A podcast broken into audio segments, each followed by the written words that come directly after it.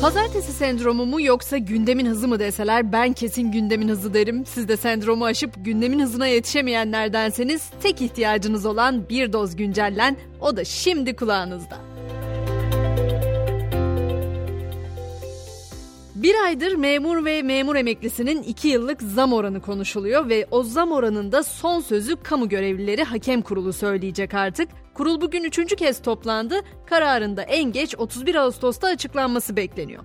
Ama o açıklanana kadar piyasalarda durduğu yerde durmuyor tabii. Geçtiğimiz hafta Merkez Bankası'nın sürpriz faiz kararı sonrasında 25.50'ye kadar gerileyen dolar kuru yeni haftada 26.56, Euro 28.73 liraya yükseldi. Gram altın 1639, çeyrek altın 2680 liradan satılıyor. Konut fiyatlarında da zirvedeyiz. Türkiye 56 ülke içinde %132,8'lik artışla dünyada konut fiyatlarının en çok yükseldiği ülke oldu. Fiyatların en çok arttığı şehirler ise Ankara, İzmir ve İstanbul olarak belirlendi. Bu arada bir de hatırlatmam var. BDDK ikinci evlerini alacaklara kredi kısıtlaması getirdi. Kendi eşi veya 18 yaş altındaki çocuğu üzerine hali hazırda bir evi olanlar artık ikinci bir ev için daha az kredi kullanabilecek. Peki biz bunları konuşuyoruz ama dünya neleri konuşuyor derseniz dünyadaki yolculuğumuzda ilk durağımız Fransa olacak. Ülkede devlet okullarında bazı Müslüman öğrencilerin giydiği abaya adı verilen kıyafet yasaklanıyor. Yasak kararı Eğitim Bakanı tarafından duyuruldu. Bu kararla yeni eğitim yılının başladığı 4 Eylül'de abaya ile okulda derse girmek yasaklandı. Ülkede 2004'te okullarda başörtüsü, 2010'da da kamuya açık alanda peçe kullanımı yasaklanmıştı. Fransa'nın İtalya sınırındaki bölgede ise dağdan kopan büyük taşlar raylara düştü. Bölgeyi İtalya'ya bağlayan tren seferleri 30 Ağustos çarşamba gününe kadar durduruldu. Tren yoluyla geçemesek de gündem yolculuğumuzda biliyorsunuz sınır yok. O yüzden İtalya'ya geçiyoruz biz.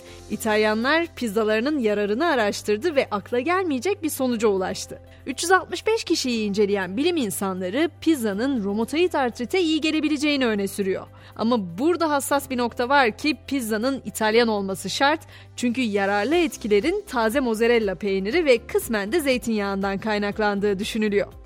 Amerika'ya uzanacak olursak günlerdir onun yüzüyle yatıp kalkıyoruz adeta. 2020 seçim sonuçlarına müdahale gerekçesiyle hakkında hazırlanan iddianame kapsamında sabıka fotoğrafı çekilen Trump, viral olan o fotoğrafın çekilmesinin ardından Twitter'a yani yeni adıyla X'e de dönmüştü. Trump'ın iki buçuk yıl sonra attığı ilk tweette seçimlere müdahale, asla teslim olmayın yazılı sabıka fotoğrafıyla bağış toplama sayfasına yönlendiren internet sitesinin linki yer almıştı. İşte Trump o paylaşımla birlikte aday adaylığı için 24 Ağustos'tan bu yana tam 7,1 milyon dolar bağış topladı. Sosyal medyaya geri dönme hazırlığında olan bir başka isimse eski kraliyet gelini, kraliyet hayatına veda ederek ABD'de yeni bir sayfa açan Prens Harry ve Meghan Markle çifti yeni anlaşmalarıyla gündemde Meghan Markle'ın sosyal medyaya tekrar katılacağı ve bir gönderisinin en az 1 milyon dolar değerinde olacağı tahmin ediliyor. Gökyüzünde ise bu ay sonu itibarıyla görsel bir şölen olacak. 2023'ün tek mavi ay doğa olayı bu hafta gökyüzünde olacak. Yılın en büyük ve en parlak ayı olacak olan Mavi Ay 30 Ağustos tarihinde gerçekleşecek.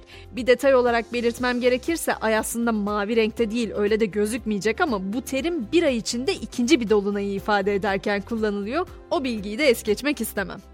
Son olarak da uzay dünyasından bahsedelim. Japonya'nın Ay'a inecek ilk uzay aracını taşıyacak roketin fırlatılışı rüzgar koşullarından dolayı askıya alındı. Yeni deneme perşembe gününden önce yapılmayacak.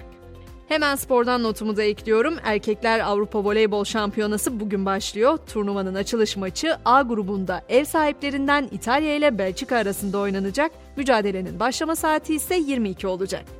Böylece biz de güncellenin bu bölümünü de noktaladık. Bu akşam insanı en çok yıpratan şey iyi niyetidir cümlesiyle Oscar Wilde'dan gelsin istedim mottomuz. Kulağınızdaki ses ben Gizem. Yarın sabah yeniden görüşünceye kadar hoşçakalın.